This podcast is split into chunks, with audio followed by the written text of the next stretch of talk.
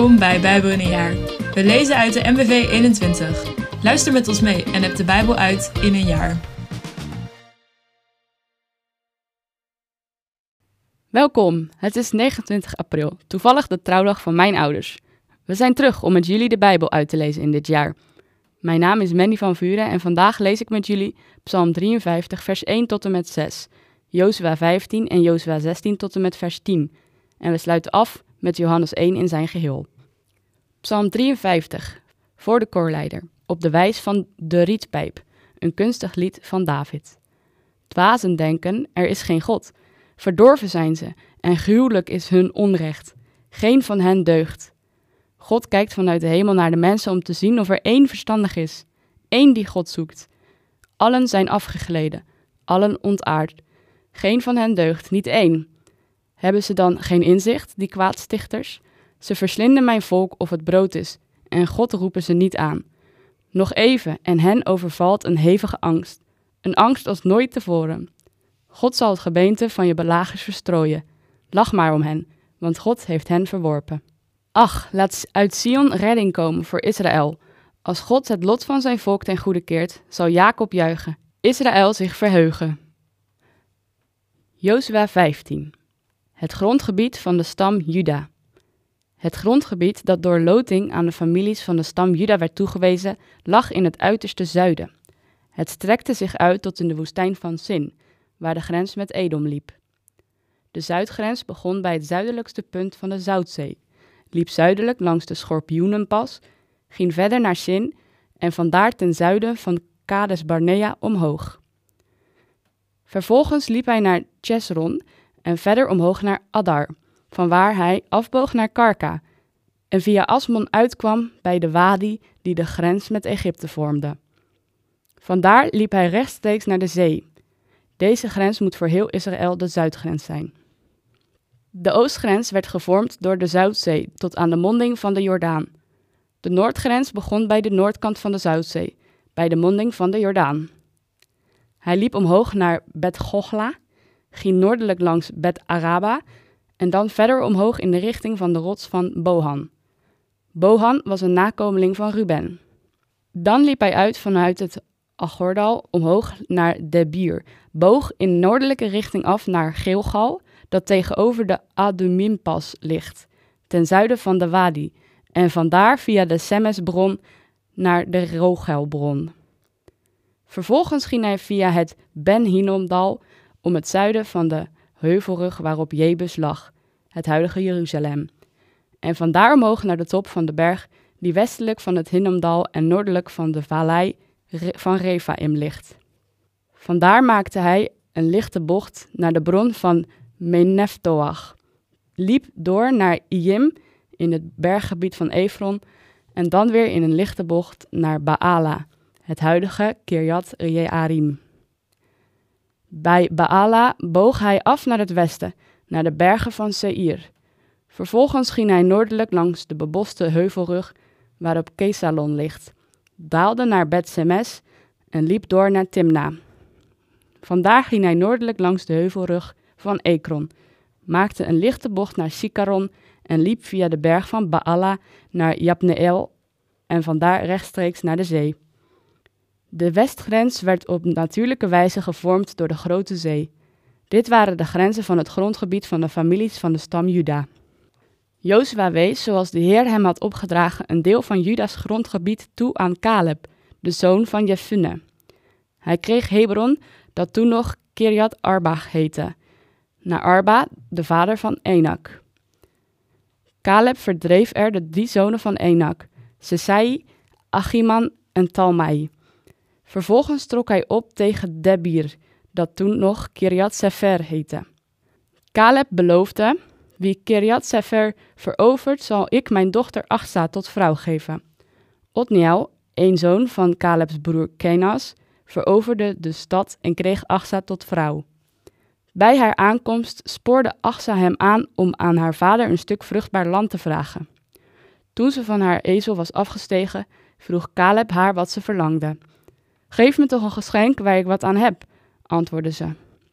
U hebt me dit dorre stuk land gegeven, geef me dan ook bronnen.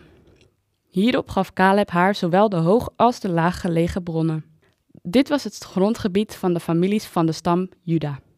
De steden van de stam Juda. In het gebied van de stam Juda lagen de volgende steden.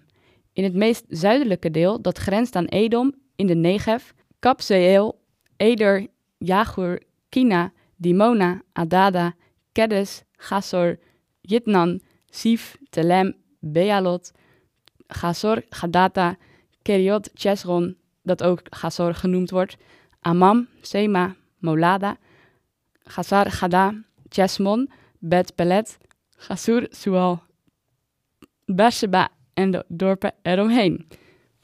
Baala, Iyim, Esem, Eltolat, Kesil, Gorma, Siklag, Matmana, Sansana, Lebaot, Silgim, Ain en Rimon. In totaal 29 steden met de omliggende dorpen. In het Heuvelland. Estaol, Sora, Asna, Zanoach, En-Ganim, Tapuach, Enam, Jarmut, Adulam, Socho, Aseka, Sa'a-Raim, Aditaim, Gedera en Gederotaim. 14 steden met de omliggende dorpen. Verder Senan, Gadassa, Migdal-Gad, Dilan, Mispe, Jokteel, Lachis, Boskat, Echelon, Kabon, Lachmas, Kitlis, Gederot, Bet Dagon, Naama en Makeda. 16 steden met de omliggende dorpen. Verder Libna, Eter, Asan, Yiftach, Asna, Nesip, Keila, Achsip en Maresa. 9 steden met de omliggende dorpen. Verder Ekron met de omliggende dorpen en gehuchten. Alle dorpen tussen Ekron en de zee, alle dorpen en gehuchten rond Asdod. Asdod en Gaza met de omliggende dorpen en gehuchten tot aan de wadi die de grens met Egypte vormde en verder tot aan de grote zee die een natuurlijke grens vormde. In het bergland Samir, Yatir, Socho, Danna, Kiryat Sanna, het huidige Debir, Anab, Estemoa, Anim, Gozen, Golon en Gilo, elf steden met de omliggende dorpen.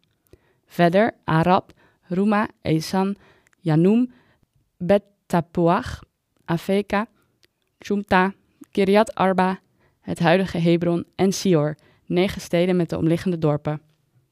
Verder Maon, Karmel, Ziv, Jutta, Jezreel, Jokdeam, Zanoach, Kain, Gibea en Timna, tien steden met de omliggende dorpen. Verder Galgul, Betsur, Gedor, Ma'arat, Betanot en Eltekon, zes steden met de omliggende dorpen. Verder Kiryat Baal, het huidige Kiryat Jearim, en Rabba, twee steden met de omliggende dorpen. In de woestijn Bet Araba, Midin, Zechacha, Nipsan, Ir en Engedi, zes steden met de omliggende dorpen. Maar de inwoners van Jeruzalem, de Jebusieten, konden door de stam Juda niet worden verdreven. Ze wonen tot op de dag van vandaag te midden van de nakomelingen van Juda in Jeruzalem. Jozua 16, vers 1 tot en met 10. Het grondgebied van de nakomelingen van Jozef. Het lot wees de nakomelingen van Jozef het volgende grondgebied toe. De grens begon in het zuiden bij de Jordaan, ter hoogte van Jericho, ten oosten van de bronnen van Jericho, en ging door de woestijn het bergland in, naar Bethel. Vandaar liep hij via Lus naar Atarot in het gebied van de Arkieten, daalde via het gebied van de Jafletieten en de streek rond Laag Bet Goron naar het westen en kwam via Gezer uit bij de zee. Dit was het grondgebied dat de nakomelingen van Jozef, de stammen Manasse en Ephraim, in bezit kregen. Het grondgebied van de stam Ephraim. De families van de stam Ephraim kregen het volgende grondgebied. De zuidgrens begon ten oosten van Atrot Adar, liep naar hoog Bet Goron en eindigde bij de zee. De oostgrens begon in het noorden bij Michmetat, liep in zuidoostelijke richting naar Taanat Silo, waar hij oostelijk langs ging en vandaar verder naar Janoach. Vervolgens daalde hij naar Atarot en Naara, ging vlak langs Jericho en eindigde bij de Jordaan. De noordgrens liep vanaf Tapuach via de Wadi Kana naar het westen en eindigde bij de zee. Dit was het grondgebied van de families van de stam Ephraim. Verder kregen ze nog enkele steden in het gebied van Manasse, met inbegrip van de omliggende dorpen. Maar de Canaanieten uit Gezer konden ze niet verdrijven. Die bleven in hun midden wonen tot op de dag van vandaag. Ze werden echter gedwongen tot herendienst. Johannes 1. Het woord is mens geworden. In het begin was het woord. Het woord was bij God en het woord was God. Het was in het begin bij God. Alles is erdoor ontstaan. Zonder het woord is niets ontstaan van wat bestaat. In het woord was leven en het leven was het licht voor de mensen. Het licht schijnt in de duisternis en de duisternis heeft het niet in haar macht gekregen. Er kwam iemand die door God was gezonden. Hij heette Johannes. Hij kwam als getuige om van het licht te getuigen, opdat iedereen door hem zou geloven. Hij was niet zelf het licht, maar hij was er om te getuigen van het licht. Het ware licht, dat ieder mens verlicht en naar de wereld kwam. Het woord was in de wereld, de wereld is door hem ontstaan, en toch kende de wereld hem niet. Hij kwam naar wat van hem was, maar wie van hem waren, hebben hem niet ontvangen. Wie hem wel ontvingen en in zijn naam geloven, heeft hij het voorrecht gegeven om kinderen van God te worden. Zij zijn niet op natuurlijke wijze geboren, niet uit lichamelijk verlangen of uit de wil van de man, maar uit God. Het woord is mens geworden en heeft in ons midden gewoond, vol van genade en waarheid. En wij hebben zijn grootheid gezien, de grootheid van de enige zoon van de Vader. Van hem getuigde Johannes toen hij uitriep: Hij is het over wie ik zei: Die na mij komt, is meer dan ik, want hij was er voor mij. Uit zijn overvloed hebben wij allen opnieuw genade ontvangen. De wet is door Mozes gegeven, genade en waarheid zijn met Jezus Christus gekomen. Niemand heeft ooit God gezien, maar de enige zoon die zelf God is, die aan het hart van de Vader rust, heeft hem doen kennen. Getuigenissen. Dit is het getuigenis van Johannes. De Joden hadden vanuit Jeruzalem priesters en levieten naar hem toegestuurd om hem te vragen: Wie bent u?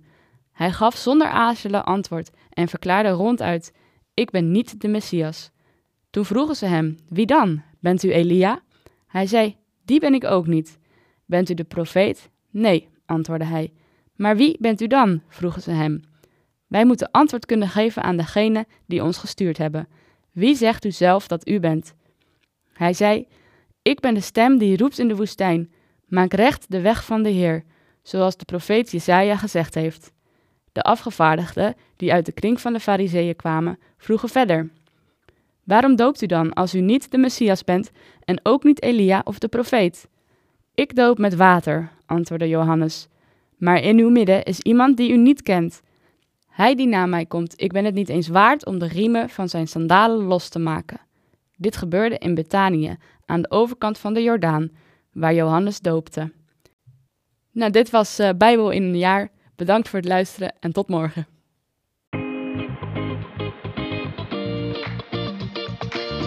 Bedankt voor het luisteren allemaal. Nog een gezegende dag en tot morgen.